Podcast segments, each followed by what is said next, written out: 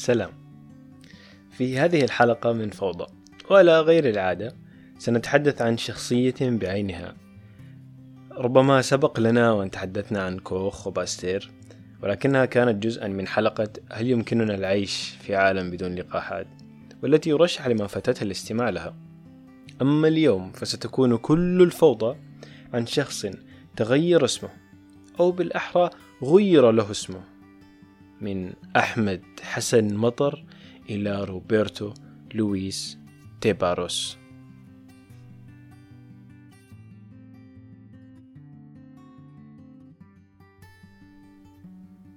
لم أكن أعرف أحمد ولم أتعرف على هذه الشخصية. حتى رأيت مذكراته في معرض الكتاب في الخرطوم عام 2019 ولربما لو لم يحثني ابن عمي على اقتنائها لما تعرفت على أحمد أو روبرتو طيلة حياتي.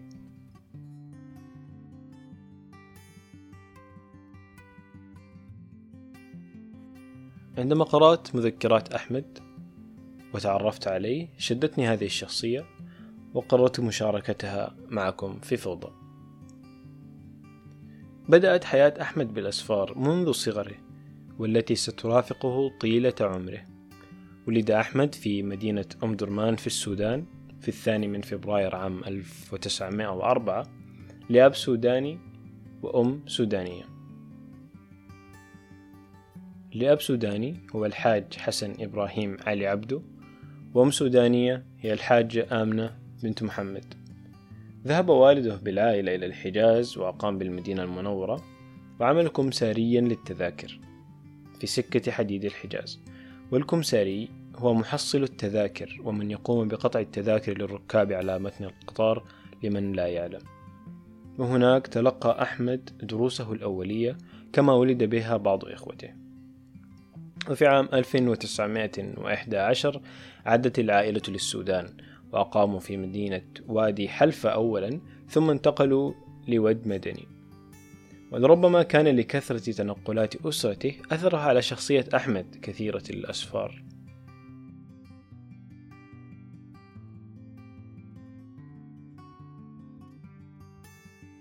وقفزا إلى عام 1925 قرر أحمد خوض أول رحلاته ومغامراته وحيدا حيث ذهب إلى بورت السودان وانسل في أول باخرة صادفته واختبأ فيها.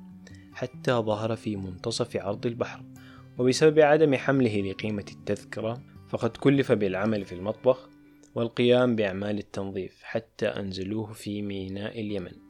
وسرعان ما تم ترحيله لعدم الرغبة فيه كمتعطل وليس معه مال ولكنه عاود الكرة مرة أخرى حتى وصل لمومباسا في شرق أفريقيا وقد وجد عملا فيها. ومن هناك كتب يتحدث عما صادفه من أحداث وأنه بدأ يتعلم اللغة السواحلية وهي اللغة السائدة في المعاملات في تلك البلاد إضافة للغة الإنجليزية. ثم وصل أحمد إلى طنجة لمقابلة الأمير عبد الكريم الخطابي وأنه الآن في خدمة الأمير كمندوب في ألمانيا. يعمل على شراء الأسلحة والمعدات الحربية وتهريبها للأمير في حربه التحريرية ضد إسبانيا. وفي عام 1924 عاد إلى مصر والسودان وتحديدا عاد إلى القاهرة. وفي ذلك الوقت كانت الأحوال السياسية ملغومة والمطالبة بالاستقلال والجلاء قضية المصريين. فنفذ للجمعيات السرية وتوطدت علاقته مع عبد الرحمن بك فهمي المشرف على التنظيم السري ومع الدكتور أحمد ماهر ومحمود فهمي النقراشي. والتقى سعد باشا زغلول وأجرى معه حديثا نشره في عدد من أكبر الصحف الفرنسية. ولكن لسوء حظه فقد حضر إلى وزارة الحربية يسأل عن ميعاد خروج السردار ليستاك من الديوان وذهب. وفي نفس ذلك اليوم اغتيل السردار ولذلك فقد قبض عليه مع آخرين وتفتيشه. ومرت أشهر قليلة ووصلت الأخبار إلى حكومة السودان بأنه قد تم القبض على شفيق منصور وآخرين كمرتكبي هذا الاغتيال وأن جميع السودانيين بمن فيهم أحمد الذين قبض عليهم قد أفرج عنهم.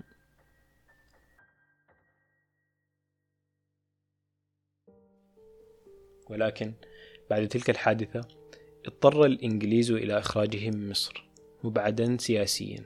وكانت ذريعة المصريين في أسباب إبعاده أنه وإن لم يشترك في مقتل السردار إلا أن وجوده في مصر أصبح غير مرغوب فيه.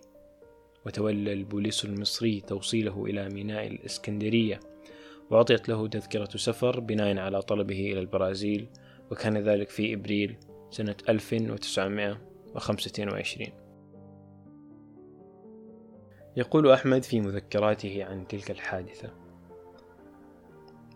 أقلعت الباخرة من ميناء الإسكندرية قاصدة جنوة للمرة الثانية من ميناء مصري المرة الأولى من بورسعيد لمارسيليا في أول رحلة إلى أوروبا مغامرا متطلعا إلى آفاق بعيدة في هذا العالم. الذي خرجت إليه بمحض رغبتي واختياري بينما أخرج الآن طريدا شريدا معطوب الأمل وفي نفسه حسرة. هذه بلادي حيث أبوي وإخوتي. تحول الأوضاع الجائرة دون وصولي إليهما كما تنكر البلد الشقيق مصر الذي آوى من غير الكثيرين من شذاذ الآفاق البعيدة. لغير ما ذنب جنوه ولكن إرضاء للمستعمر والخضوع لمشيئته.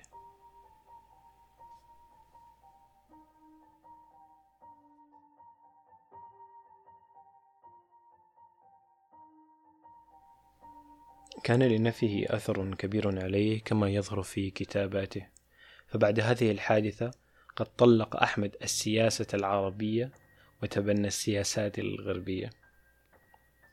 وصل أمريكا اللاتينية وهو لا يعرف أحدا وكأنه بدأ من الصفر مجددا فنظم عددا من المحاضرات في الأندية العربية وعمل مع عدد من الصحف حتى أنشأ صحيفته الخاصة واستطاع مطر أن يلج مغاليق السياسة وقد حصل على مقعد في الحقيقة في البرلمان الأرجنتيني ونال كل أصوات العرب هناك ثم قرر بعدها الذهاب إلى بوليفيا. وأخرج هناك صحيفة أخرى باللغتين العربية والإسبانية وهاجر بعد ذلك إلى البرازيل وأخرج صحيفة بالعربية والبرتغالية التي تعلمها من ابنة مديرة النزل الذي كان يسكن فيها ودخل البرلمان وكاد أن يكون وزيرا.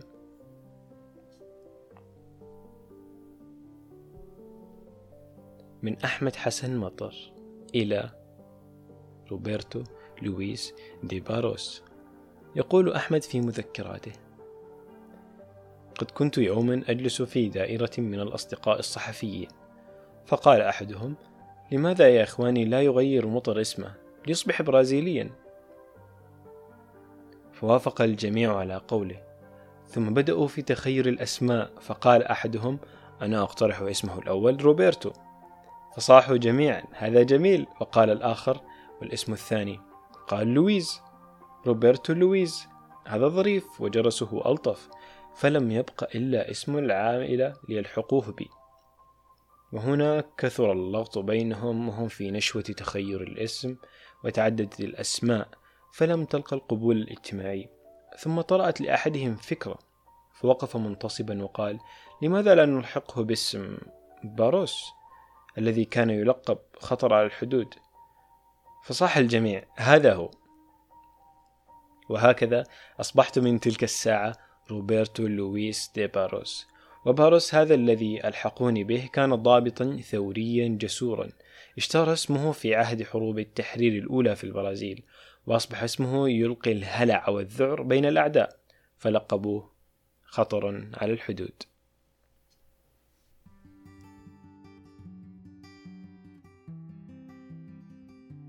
عندما نشأت الحرب الإيطالية الإثيوبية جاء أحمد إلى ميدان القتال كمراسل عسكري وبعد ذلك ذهب إلى ألمانيا والتقى بصديقه يونس بحري والسياسي الفلسطيني تاج الدين الحسيني الذي رتب له لقاء مع أدولف هتلر. يقول أحمد حدث أن رأيت لأول مرة أدولف هتلر بينما كنت أجلس مع ابني الجنرال لودونورف والميجر ماكس والكابتن فايس. فمر علينا رجل في زي بافاري وعلى رأسه قبعة عليها ريشة. يمشي بخطوات عسكرية. رافعا رأسه إلى أعلى لا يلتفت يمنة ولا يسرى. فسألت عمن يكون هذا. فقيل لي إنه أحد المجانين ويدعى أدولف هتلر. يعيش في خيال لتحقيق أحلام النهار. فطلبت التعرف إليه. فقص علي واقفا لمحة عن كل ما عمله فيما سبق فعجبت به ثم سار. وضحك أصدقائي مستهزئين ولكني هززت رأسي وأخذت كلامه مأخذ المعقولية والجد ولم أدري أنه سيصبح سيد ألمانيا المطاع. وألمانيا فوق الجميع. وبعد سنين من الغياب والنفي وفي عام 1956 تم السماح له بالعودة إلى السودان بعد الكثير من المحاولات لكي يستطيع الرجوع إلى بلاده. فنظم وزارة الخارجية السودانية. وكان رأي عبد الله خليل أن يعين سفيرا ولكن وقفت العقبات أمامه فعين مسؤولا عن المراسم والترجمة. ولما استولى العسكر عام 1958 على حكم السودان استطاع أحمد أن يدعو وفودا من أمريكا اللاتينية. وقد كان أول وفد هو وفد كوبا وكان به تشي جيفارا. وقد ظهر جيفارا في حديث في الإذاعة السودانية قام أحمد بترجمته. ولكنه لم يكن سعيدا في عمله خلال فترة الحكم العسكري على الإطلاق. ولكنه أصلح ذات البين بين السودان وإثيوبيا ووطد العلاقة بين السودان وجمهورية ألمانيا الاتحادية.